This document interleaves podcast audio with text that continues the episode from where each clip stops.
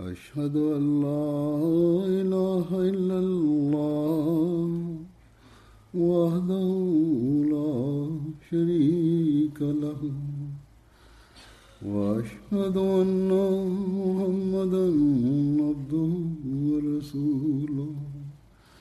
أما بعد فأعوذ بالله من الشيطان الرجيم. بسم الله الرحمن الرحيم. الحمد لله رب العالمين. الرحمن الرحيم. مالك يوم الدين.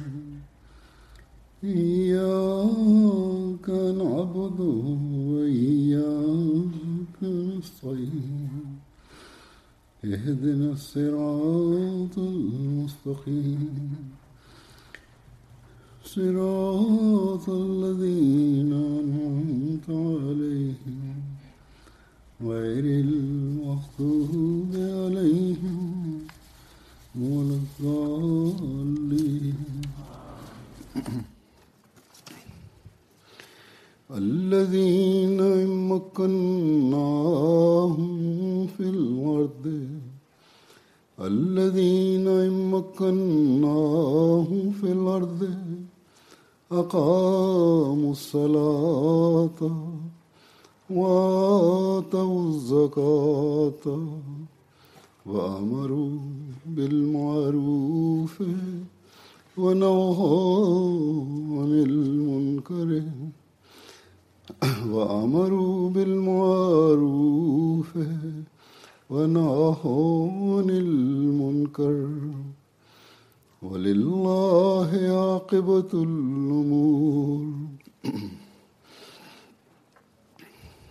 لقد نبه الله تعالى المؤمنين في هذه الآية بأن المؤمنين حقا هم أولئك الذين إذا نالوا القوة بعد الضعف والأمن بعد القلق والخوف والظروف المواتية لعبادة الله والعمل بأحكام الدين بحرية فإنهم لا يتبعون أهواءهم ولا مصالحهم الشخصية المادية.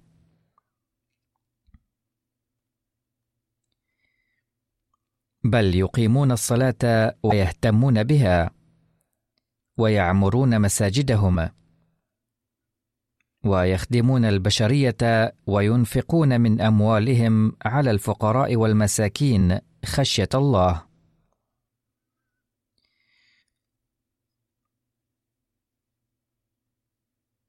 ويقدمون التضحيات في سبيل إشاعة الدين. يطهرون أموالهم بإنفاقهم لنشر الدين.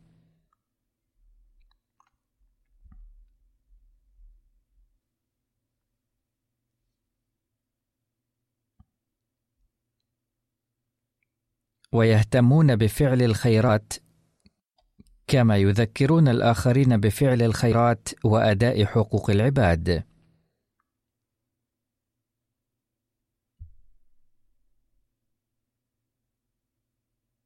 وينتهون عن السيئات وينهون غيرهم عنها.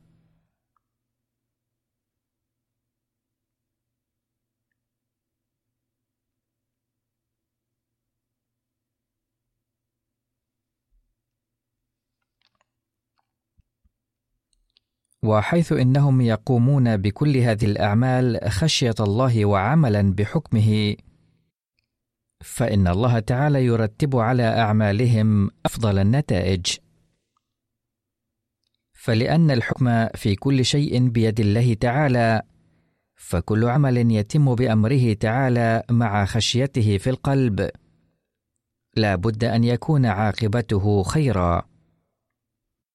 ولو أدرك كل واحد منا هذا الأمر الأساس لا ورث أفضل الله باستمرار.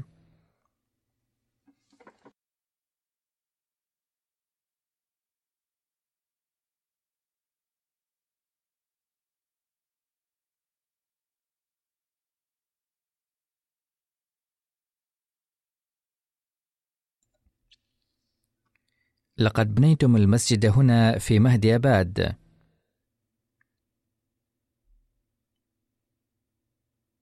وقد افتتحت قبل أيام مسجدين في فولدا وفيزبادن.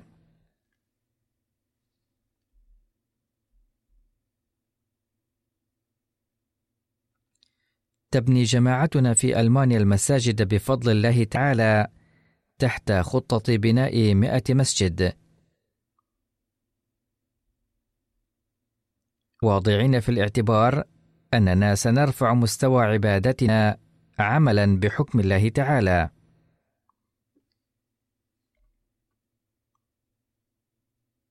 لقد تحسنت ظروفنا المالية بعد الهجرة من باكستان إلى هنا.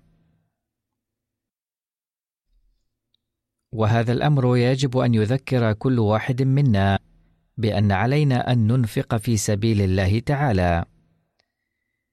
ونبني بيوت الله لكي نجتمع فيها ونقيم الصلاة. ونصلي جماعة. ونبلغ في صلواتنا درجة تمكننا من التوجه إلى الله خالصة. ولكي نؤدي حق عبادة الله بحرية.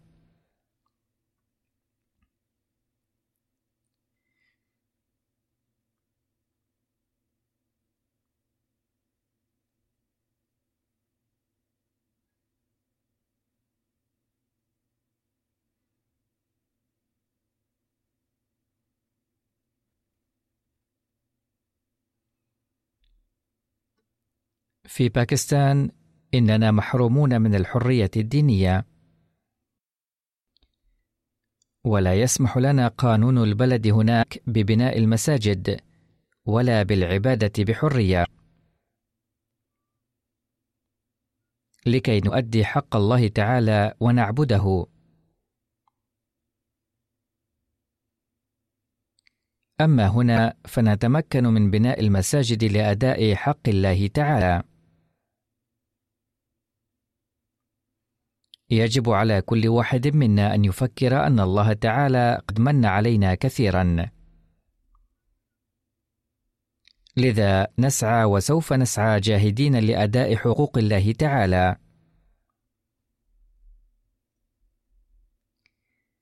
لقد بايعنا المسيح الموعود عليه الصلاة والسلام على تطوير مستوانا الروحاني والخلقي.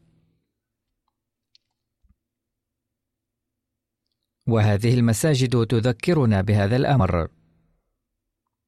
ويجب أن تذكرنا بذلك.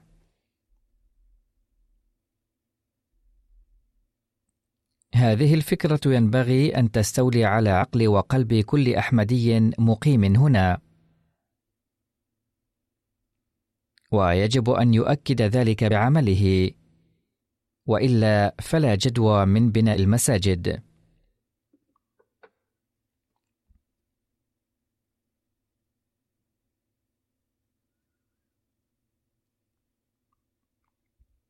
فواجب كل أحمدي أن يتذكر أن غايتنا لن تتحقق ببناء المساجد فقط.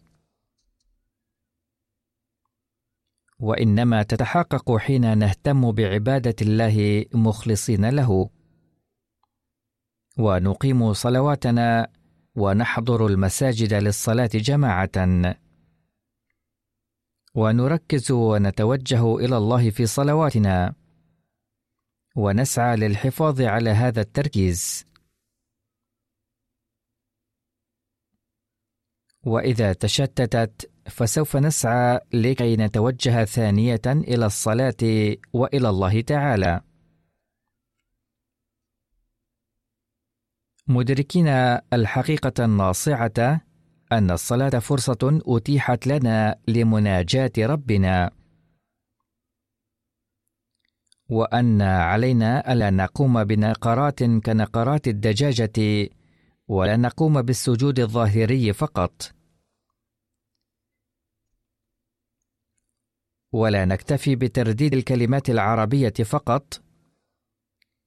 بل علينا أن نناجي ربنا بلساننا الأم أيضا. علينا أن نبذل جهدنا لأداء صلوات تتيح لنا لقاء الله تعالى. يقول سيدنا المسيح الموعود عليه الصلاة والسلام وهو يبين صفات المتقين. المؤمنين الحقيقيين إنهم يقيمون الصلاة أي أن المتقي يسعى جاهدا لإقامة الصلاة بمعنى أن الصلاة تنهار أحيانا فيقيمها. يقول الله تعالى إن المتقي يخاف الله ويقيم صلاة في هذا المقام تنتابه أنواع الوساوس والأفكار وتشتت تركيزه في الصلاة وتصرفه عن التوجه إلى الله تعالى كلية. وهذا هو انهيار الصلاة.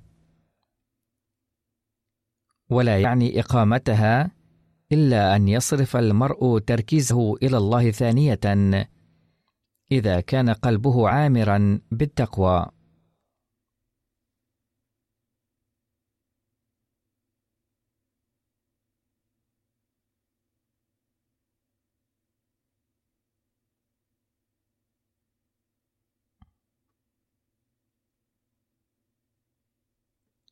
فيقول عليه السلام إن المؤمن الحقيقي يسعى جاهدا لإقامة صلاته حتى في هذه الحرب مع نفسه أي أن صلاته تتهدم بلا شك ويتشتت تركيزه فيها أحيانا.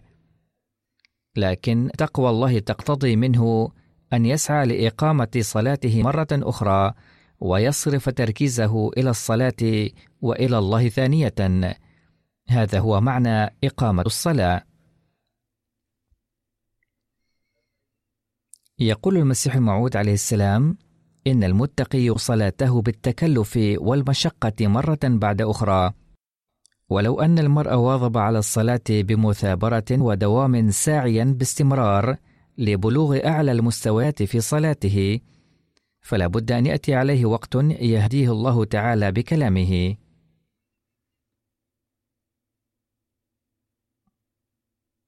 ثم إنه عليه السلام يوضح معنى الهداية هنا فقال: الهداية حالة لا يحتاج فيها المصلي للسعي لإقامة الصلاة، أي أنه لا يتعرض لموقف تنهار فيه صلاته، ويتشتت فيه تفكيره، فيحاول إقامتها والتركيز فيها ثانية. كلا، بل بعد نيل الهداية تصبح الصلاة بمنزلة الغذاء له. فكما أن الطعام ضروري للجسم، كذلك تصبح الصلاة بمنزلة الطعام الروحاني الضروري لنموه الروحاني.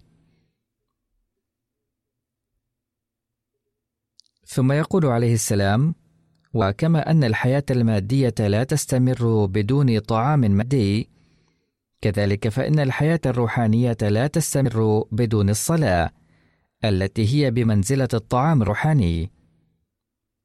ثم يذكر المسيح الموعود عليه السلام أكثر من ذلك ويقول: لا تكون الصلاة فقط كطعام لا بد منه من أجل استمرار الحياة، بل إن في هذا الطعام الروحاني متعة أيضًا. فإن مثل هذا الإنسان يعطى في الصلاة لذة ومتعة يجدها المرء بشرب الماء العذب عند العطش الشديد، إذ يشربه بمنتهى الرغبة ويستمتع بالارتواء منه.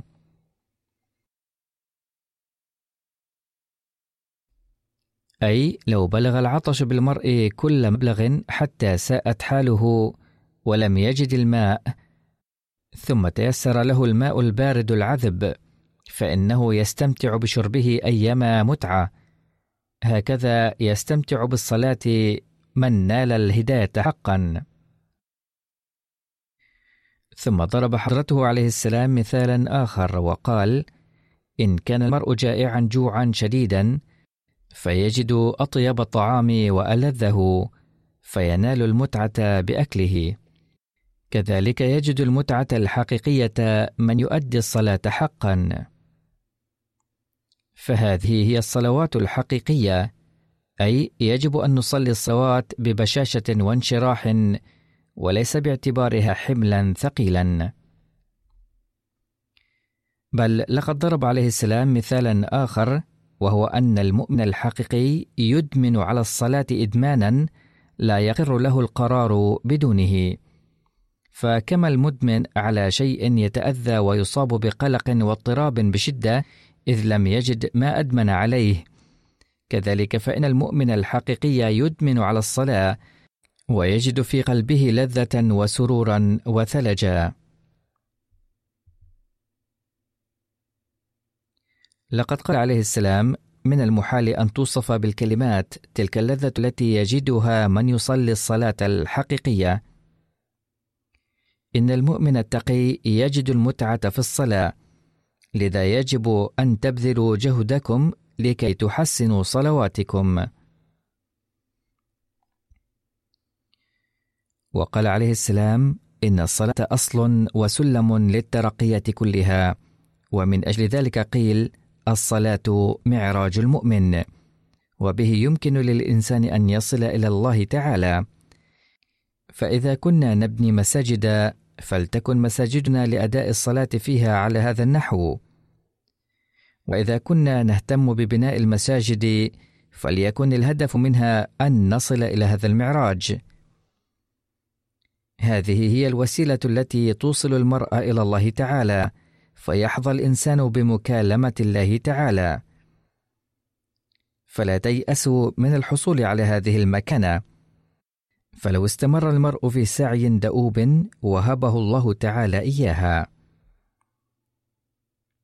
هناك الكثيرون الذين يكتبون إلي ويسألون قائلين أنهم لا يستطيعون التركيز في الصلاة فأقول لهم العلاج لهذه المشكلة هو أن تسعوا جاهدين وتكرروا جهودكم للتركيز.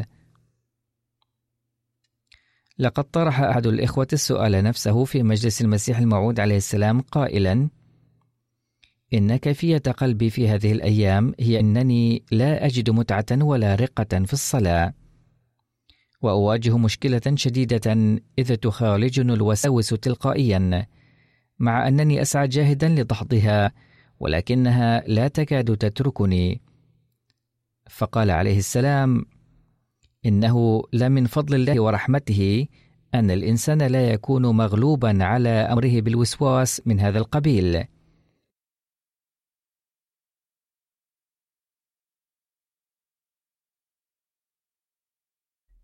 أي أن الوساوس تنشأ أحيانا ولكن الإنسان يتنبه إليها فيدعها تغلبه.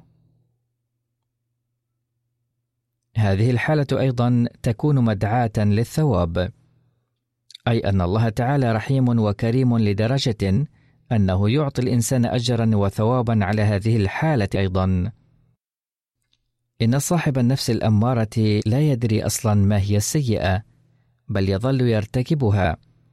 أما صاحب النفس اللوامة فيرتكب الذنب ولكنه يضطرب عليه ويخجل دائما ويتوب عنها. أي إذا كان الإنسان في حالة النفس اللوامة فهو يندم ويقلق على ارتكاب السيئة، أي إذا خالجته فكرة ارتكاب السيئة وضحدها أعطاه الله أجرا على فعله هذا. هذا الإنسان لا يكون عبدا للنفس. ومواجهة هذه الحالة ضروري أيضا إلى حد ما، فيجب ألا ييأس المرء نتيجتها لأنها مدعاة لثواب كبير لدرجة ينزل الله النور وسكينة من عنده.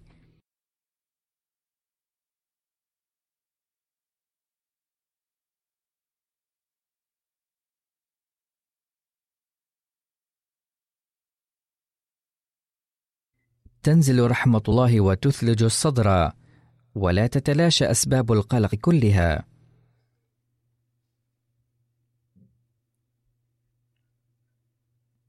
فعلى الإنسان ألا يمل.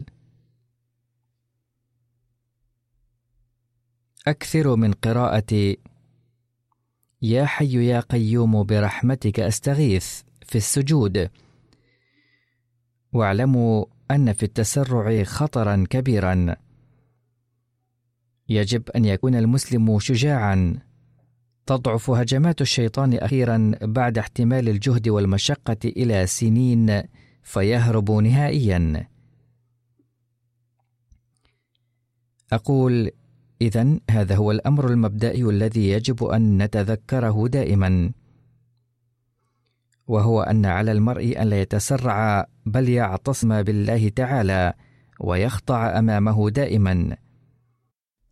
والشيطان سيهرب يوما لا محالة.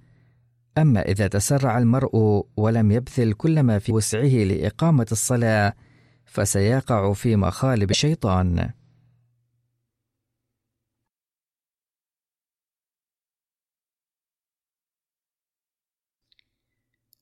ما نلاحظه بشكل عام هو أن الإنسان عجول. ويريد أن يحصل على النتيجة فورا ويقول لم أستفد شيئا مع أنني أكثرت من الأدعية. فليكن معلوما أن الإنسان إذا استمر في الدعاء للحصول على الدنيا فقط فالله تعالى قد لا يستجيب كل هذه الأدعية المتعلقة بأمور الدنيا فقط.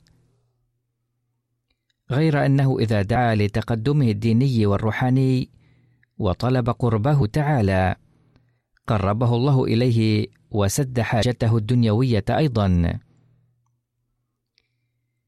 إذا هناك قواعد ومبادئ للسؤال من الله تعالى ولا بد من مراعاتها. وإلا فكيف يمكن أن يقول الله تعالى ادعوني أستجب لكم ثم يدعوه العبد فلا يستجيب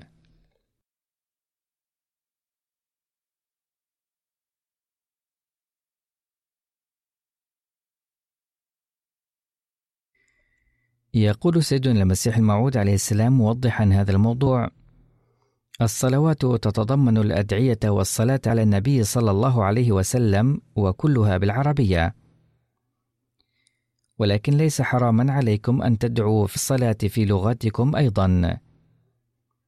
يقول الله تعالى بأن الصلاة الحقيقية هي تلك التي تتسم بالتضرع والخشوع القلبي. أي اخلقوا التضرع والخشية ولينوا قلوبكم وكأنكم واقفون أمام الله تعالى واسألونه. فالذين تتحلى قلوبهم بالخشية تغتفر ذنوبهم. يتابع عليه السلام. يقول الله تعالى إن الحسنات يذهبن السيئات. المراد من الحسنة هنا هي الصلاة.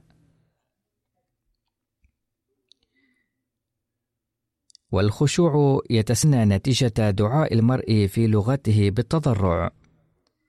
أي يذوب قلب الإنسان وينشأ فيه التضرع بدعائه في لغته لأنه عند دعائه في لغته يعرف ما يسأله تعالى. كذلك يجب أن يدعو المرء مما علمنا الله تعالى من الأدعية. فيجب أن تدعوا في لغتكم أيضا بين فينة وفينة.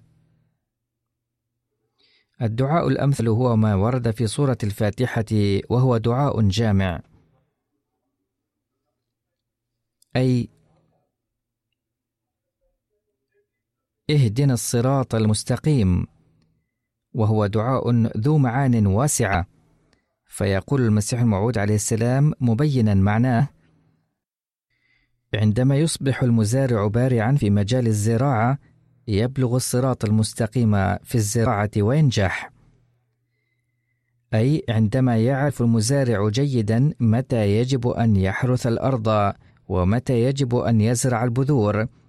ومتى يستخدم السماد؟ ومتى يجب أن يسقي الحرث؟ ومتى يجب أن يرش عليه الأدوية؟ عندما يتعلم المزارع كل هذه الأمور يبلغ الصراط المستقيم في مجال الزراعة. فيقول عليه السلام كذلك عليكم أن تتحروا الصراط المستقيم للقاء الله وادعوه قائلين يا إلهي أنا عبدك المذنب والسقط فاهدني. اسألوا الله تعالى حاجتكم العليا منها والأدنى دون أدنى استحياء لأنه هو المعطي الحقيقي. الأكثر تقاتا هو ذلك الذي يدعو الله أكثر، لأنه إذا ذهب أحد إلى باب بخيل أيضا كل يوم متوسلا فلسوف يستحي منه يوما ويعطيه شيئا فكيف لا ينال شيئا من يسأل الله الذي هو كريم لدرجة لا نظير له؟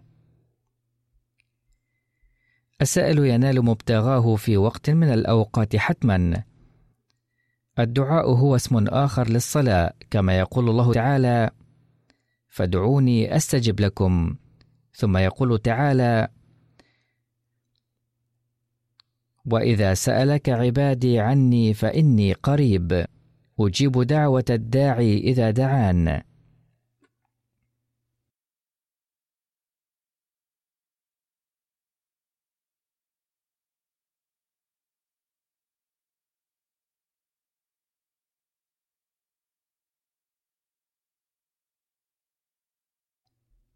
بعض الناس يشكون في وجوده تعالى. بينما يقول الله تعالى بأن الدليل على وجودي هو أن ادعوني واسألوني سأدعوكم وأجيبكم وأذكركم.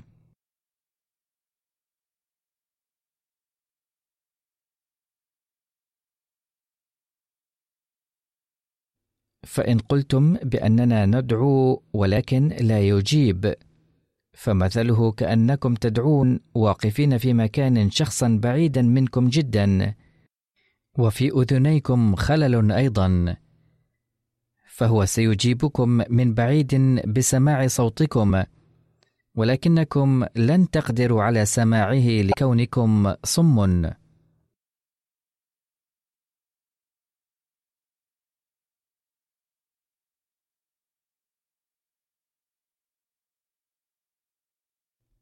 فكلما تزول الحجب والبعد سوف تسمعون الصوت. أي كلما اقتربتم من الله تعالى سمعتم صوته بسهولة. لقد ظل ثابتا منذ أن خلقت الدنيا أنه سبحانه وتعالى يكلم عباده الخواص. ولولا ذلك لثبت رويدا رويدا أنه لا وجود له. إذا إن أمثل وسيلة لإثبات وجود الله أن نسمع صوته وكلامه أو نراه. فإن الكلام في هذه الأيام الحالية ينوب منابة الرؤية، غير أنه ما بقي الحجاب بين الله والسائل لا نستطيع أن نسمع كلامه.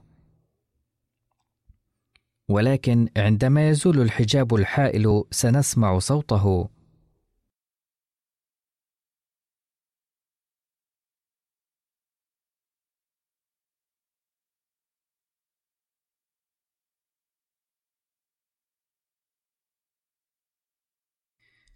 أقول إذا هناك حاجة لرفع الحجب الحائلة. وقد وعد الله تعالى أنه من يأتيه بجدية مدركا حقيقة وجوده ويتقدم إليه سيأتيه الله تعالى بنفسه.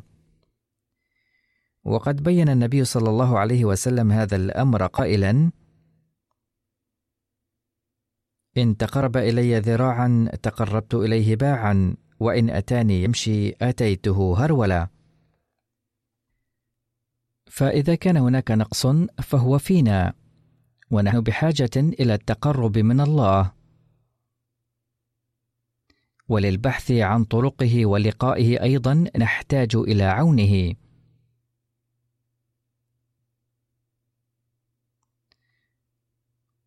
وحين ندعي مبايعة المسيح الموعود عليه السلام فيجب علينا أن نسعى كل السعي للتقرب إلى الله. ولا يكفي العمل بقول واحد للمسيح الموعود عليه السلام بأن ابنوا المساجد لتعرفوا بالإسلام. بل ثمة حاجة إلى المجهودات العملية لذلك وإلى نصرة الله تعالى. وإذا نلتم نصرة الله تعالى ببذل الجهد أحرزتم الفلاح يقينا.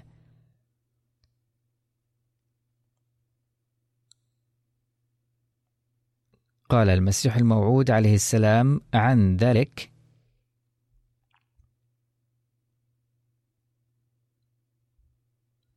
تذكروا أن هناك بركة في الإقرار بالتوبة لدى البيعة ولو فرض الإنسان على نفسه تقديم الدين على الدنيا لأحرز الرقي. حين يبايع المرء تنشأ له البركة ولكن لو قدم الدين على الدنيا أحرز الرقي. ولكن تقديم الدنيا ليس بوسعكم بل هناك حاجة ماسة إلى نصرة الله كما يقول الله تعالى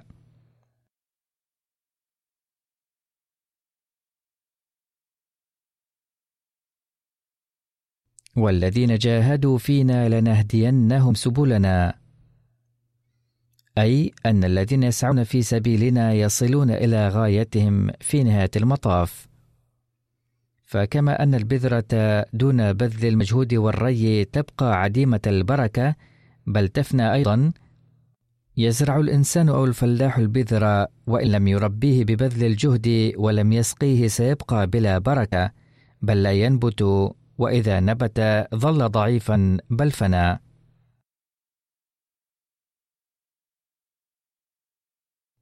كذلك لو لم تتذكروا أنتم هذا الإقرار كل يوم ولم تدعوا الله تعالى أن ينصركم لن ينزل فضله.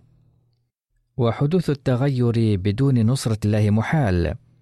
لا يمكن أن يحدث تغيير في الإنسان من دون نصرة الله لذا يجب عليه أن يظل يدعو تعالى لنيل فضله.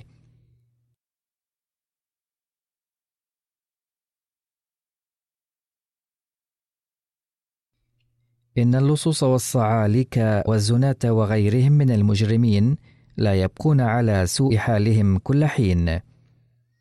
بل يأتي عليهم وقت يندمون فيه حتما. هذا هو حال كل من يكسب المنكرات. مما يدل على أن الإنسان يفكر في الخير حتما. ولكن تفكيره هذا بأمس الحاجة إلى نصرة الله تعالى. لذلك أمرنا بقراءة سورة الفاتحة في الصلوات الخمس حيث نقول فيها إياك نعبد وإياك نستعين.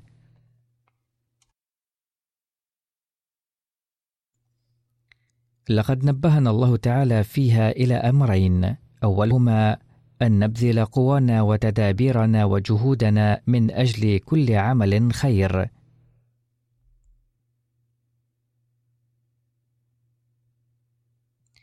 أي يجب أن يبذل كل ما رزقه الله تعالى من قوى ويقوم بكل ما في وسعه من تدبير وجهد لفعل الحسنة. وقد أشير إلى ذلك في قوله تعالى: نعبد، لأن الذي يكتفي بالدعاء فقط ولا يبذل جهده فلا ينجح. الدعاء وحده لا يكفي بل ثمة حاجة للجهد أو العمل. فالفلاح إذا لم يبذل المجهود بعد بذر البذرة فكيف يتوقع الثمر؟ هذه سنة الله تعالى.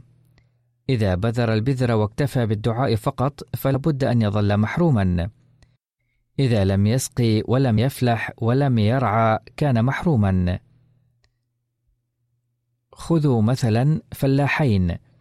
أحدهما يجتهد ويحرث الأرض جيدا فلا بد أن يحقق نجاحا أكبر. والآخر لا يجتهد أو يجتهد أقل نسبيا فيبقى محصوله ناقصا على الدوام. وقد لا يستطيع به دفع الضرائب الحكومية أيضا ويظل فقيرا دائما. والحال نفسه بالنسبة إلى أعمال الدين أيضا فمن الناس منافقون ومنهم كسالى ومنهم صالحون يصلون إلى مرتبة الأبدال والأقطاب. الناس سواسية ولكن بعضهم يصبحون منافقين وبعضهم كسالى لا يعملون شيئا ولكن بعضهم يصلون درجة الأبدال والأخطاب وينالون درجة القرب عند الله. وهناك من يصلي إلى أربعين سنة ومع ذلك يبقى على ما كان عليه في اليوم الأول ولا يحدث فيه أي تغير ولا يشعر بأي فائدة من ثلاثين صوما. لا يستفيدون شيئا من صوم ثلاثين يوما إذ يعودون إلى حالتهم الأولى بعد رمضان. هناك كثير من الناس الذين يقولون إننا متقون ونصلي منذ مدة طويلة ولكن لا نتلقى أي نصرة. السبب في ذلك أنهم يعبدون عبادة تقليدية فارغة. لا يفكرون في التقدم الروحاني اطلاقا ولا يتحرون الذنوب.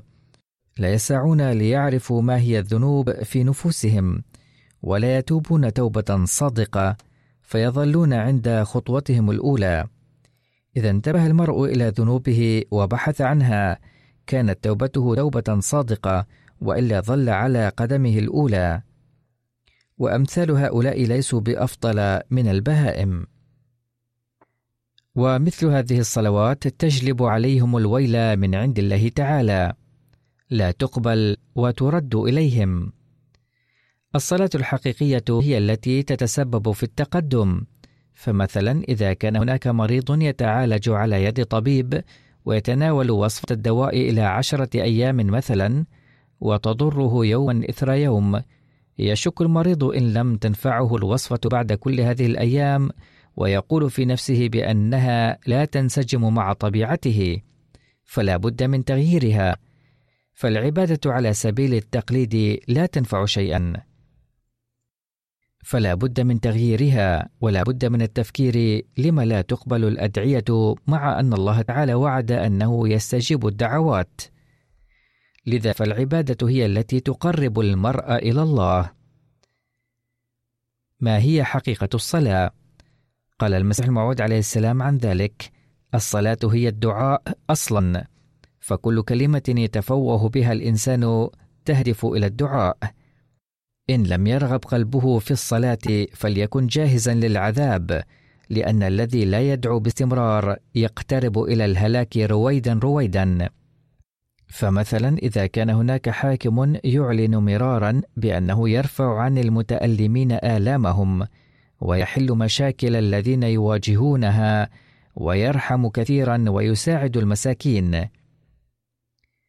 ثم يمر من قربه شخص يواجه المشاكل ولا يبالي بندائه أدنى مبالاة ولا يستعين به مبينا مشكلته. فماذا عسى أن يكسب إلا الهلاك والدمار؟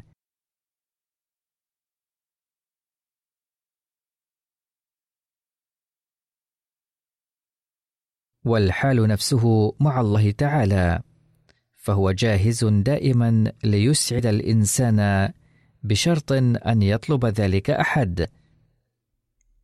فمن الضروري لإجابة الدعاء أن يجتنب الإنسان المعصية ويدعو بكل قوة وشدة لأنه عندما يضرب الزند على الزند تخرج النار.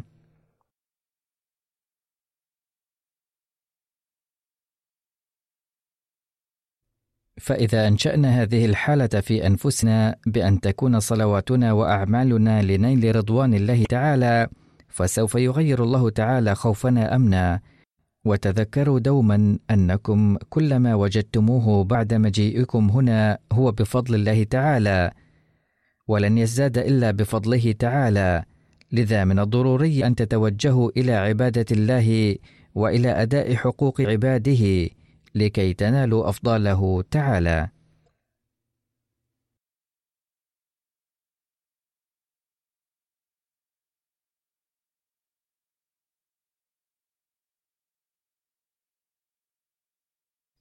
ويمكنكم أن تفحصوا أنفسكم بأنفسكم إلى أي مدى تسعون لإقامة الصلاة وإلى أي حد تعلقتم بالله تعالى أو تسعون لذلك.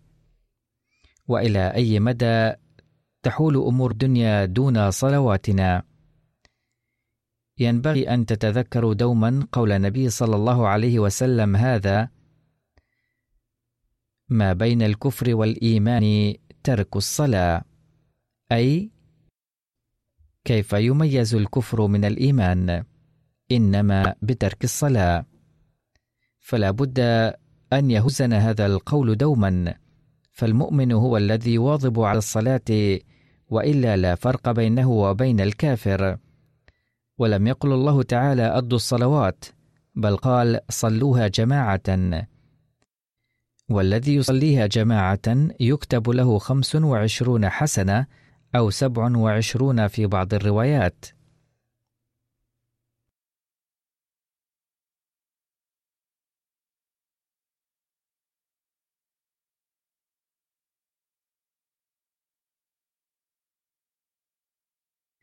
مع كل ذلك إن لم نهتم بهذا الأمر دون أي عذر مشروع فلا يدل ذلك إلا على شقائنا الكبير. فإذا أنشأنا المساجد فهناك حاجة ماسة لأداء حقوقها. كما أن هناك حاجة لرفع مستويات عبادتنا والتركيز على تضحياتنا المالية. وثمة حاجة إلى كسب الحسنات ورفع مستويات أخلاقنا ونص الآخرين بكسب الحسنات. كما أن هناك حاجة لننقذ أنفسنا من السيئات المنتشرة في محيطنا وإنقاذ الآخرين منها أيضا وإلا فسيكون عهد بيعتنا عبارة عن عهد لفظي فارغ. ينبغي أن نراعي دوما قول المسيح الموعود عليه السلام حيث يقول: فكونوا بحيث تصبح إراداتكم إرادات الله ويكمن رضاكم في رضاه. ولا يبقى لكم شيء بل تصيرون كليا له. معنى الصفاء والنقاء أن ترفع من القلب معصية الله العملية والاعتقادية. فالله سبحانه وتعالى لا ينصو أحدا ما لم ير بنفسه أن إراداته صارت إرادة الله تعالى وأن رضاه قد تفان في رضاه سبحانه وتعالى. لا تسرني أبدا كثرة أبناء جماعتي.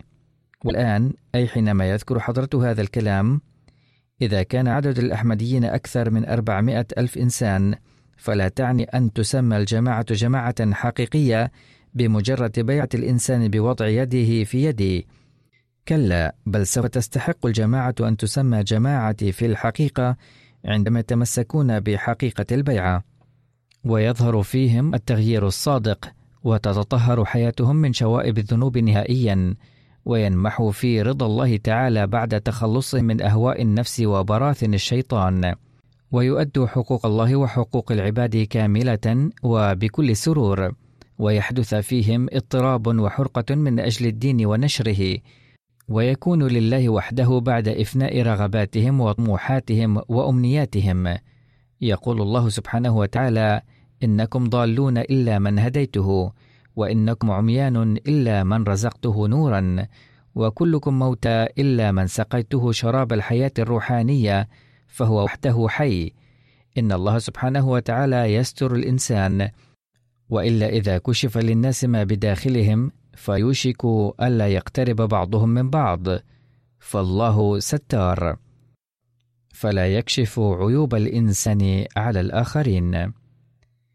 إذا يجب على الإنسان أن يسعى لإحراز الحسنات ويواظب على الدعاء كل حين وآن. اعلموا يقينا أنه إذا لم تكن هناك أي علامة فارقة بين أبناء الجماعة والآخرين، فليس لله أي قرابة بأحد. أي إن صرنا أحمديين أو بايعنا ومع ذلك لم يكن هناك فرق بيننا وبين الآخرين، فينبغي أن نعرف أنه ليست لله قرابة مع أحد.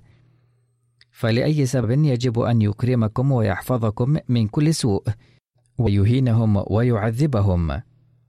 فإن لم يكن هناك فرق بيننا وبين غيرنا فليست لله قرابة معنا حتى يعزنا ويذل الآخرين ويعرضهم للعذاب. يقول الله تعالى إنما يتقبل الله من المتقين. إنما المتقون من يتركون أمورا تنافي مشيئة الله خوفا منه ويرون النفس وأهواءها والدنيا وما فيها لا يساوي شيئا أمام الله. إنما يتبين الإيمان عند إجراء هذه المقارنة. بعض الناس يسمعون من أذن وينبذون ما سمعوا من أذن أخرى ولا يرسخون هذه الأمور في القلوب. ولا يتأثرون مهما نصحتموهم. تذكروا أن الله غني ولا يعبأ بأحد ما لم يصدر منه الدعاء بكثرة وباضطراب. انظروا إذا مرضت زوجة أحدكم أو ابنه أو رفعت ضد أحدكم قضية فكم يصاب باضطراب شديد بسبب ذلك. كذلك الدعاء يظل عديم الجدوى ويعد عملا عابثا ما لم ينشأ فيه الاضطراب. فالاضطراب شرط للقبول. كما قال تعالى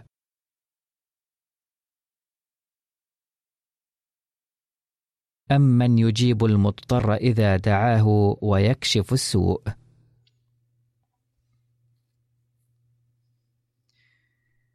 ثم يقول عليه السلام أشركوا في إصلاحكم أهلكم وذريتكم من واجبكم الاهتمام بإصلاح الأهل والأولاد. إنما ينصر الله أولئك الذين يتقدمون على درب الحسنات ولا يستقرون في مكان واحد وهم الذين تكون عاقبتهم حسنة. فقد لاحظنا بعض الناس يتمتعون بشوق وذوق ورقة لكنهم لاحقا يستقرون في مكان. ولا تكون عاقبتهم محمودة. لقد علمنا الله سبحانه وتعالى في القرآن الكريم دعاء وأصلح لي في ذريتي أي أصلح زوجتي وأولادي أيضا.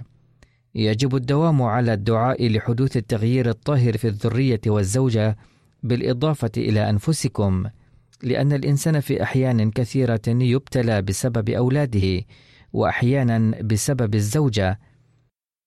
فانظروا إن الفتنة الأولى التي أصيب بها آدم عليه السلام كانت بسبب زوجته. كما يتبين من التوراة أن إيمان بلعم قد حبط عند مواجهته موسى عليه السلام ويتبين أنه كان سببه أن الملك كان قد أغرى زوجة بلعم بالحلي ضد موسى وهي بدورها حثته على دعاء على موسى عليه السلام. باختصار يتعرض الإنسان للابتلاء في أحيان كثيرة بسبب الأهل والأولاد أيضا فيجب الاهتمام الكافي بإصلاحهم ويجب الدعاء لهم أيضا باستمرار. وفقنا الله تعالى لإحداث التغييرات الطيبة في أنفسنا ولإقامة صلواتنا ثم لرفع مستوياتها إلى الأعلى. ولنطهر أموالنا ونرقي أخلاقنا ونكسب الحسنات ونعممها. وأن نكون من الذين يمتنعون من السيئات ويمنعون ذراريهم منها أيضا. وينبغي إلى جانب إنشاء المساجد أن نبلغ رسالة الإسلام الحقيقية إلى مواطني هذا البلد وننشرها في محيطنا أيضا. ولا يتأتى ذلك إلا إذا أحدثنا تغييرات طيبة وسامية في أنفسنا. وفقنا الله لذلك آمين.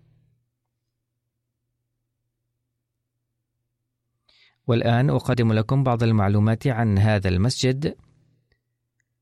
لقد سمينا هذا المكان مهدي أباد، ولكن اسم هذه القرية التي أنشأنا فيها هذا المسجد هو ناهي.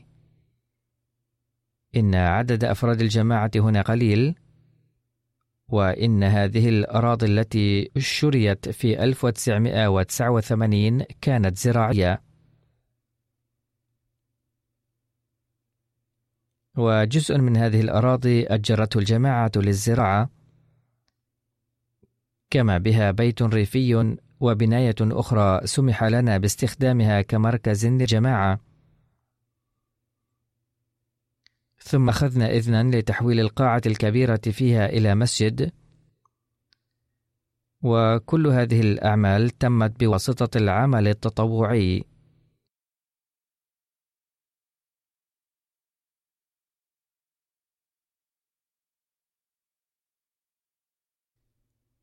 البناية كانت ذات طابقين وأحدهما كان يستخدم كبيت للمبشر ثم في عام 2010 حولت البلدية جزءا من هذه الأراضي الزراعية إلى أراض سكنية وبالتالي قسمت إلى 12 قطعة أرضية لإنشاء البيوت فيها كما سمح لنا بإنشاء المسجد فيها. لقد اتخذت الجماعة قطعتين من هذه القطع الاثنى عشر وباعت البقية فإن المبالغ المالية التي حصلت عليها الجماعة ببيع هذه القطع ولقاء الجزء الذي استرجعته البلدية من الجماعة كانت أكثر من ثمن الأرض التي دفعته الجماعة عند شرائها. على أي حال، لقد وضعت حجر أساس هذا المسجد قبل ستة أو سبعة أعوام، بل قبل ثمانية أعوام تقريبا، والآن اكتمل بناء هذا المسجد وهو بطابقين. تقدر مساحة الجزء المسقف منه ب 385 مترا مربعا وهو يتسع ل 210 مصل. الجزء العلوي للرجال والجزء السفلي للنساء كما أن هناك أماكن للوضوء والحمامات وغيرها. وكلفة بناء هذا المسجد هي 570 ألف يورو تقريبا. تبرع أفراد الجماعة المحلية من هذه الكلفة أكثر من 200 ألف يورو أما بقية الكلفة فقد تم أداؤها من صندوق مشروع 100 مساجد. بارك الله في أموال جميع المضحين ونفوسهم. وبعد إنشائهم هذا المسجد وفقهم الله تعالى لأداء حق العبادة أكثر من ذي قبل. آمين.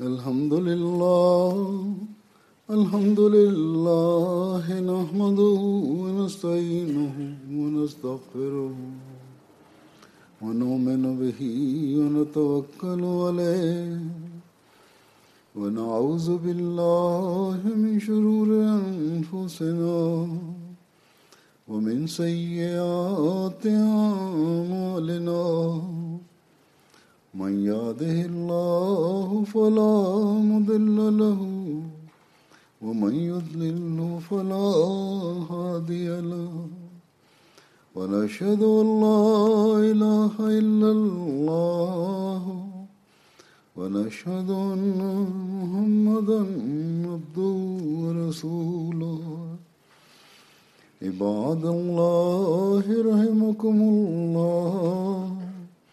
إن الله يأمر بالعدل واللسان وإيتاء ذي القربى وينهى عن الفحشاء والمنكر والبغي.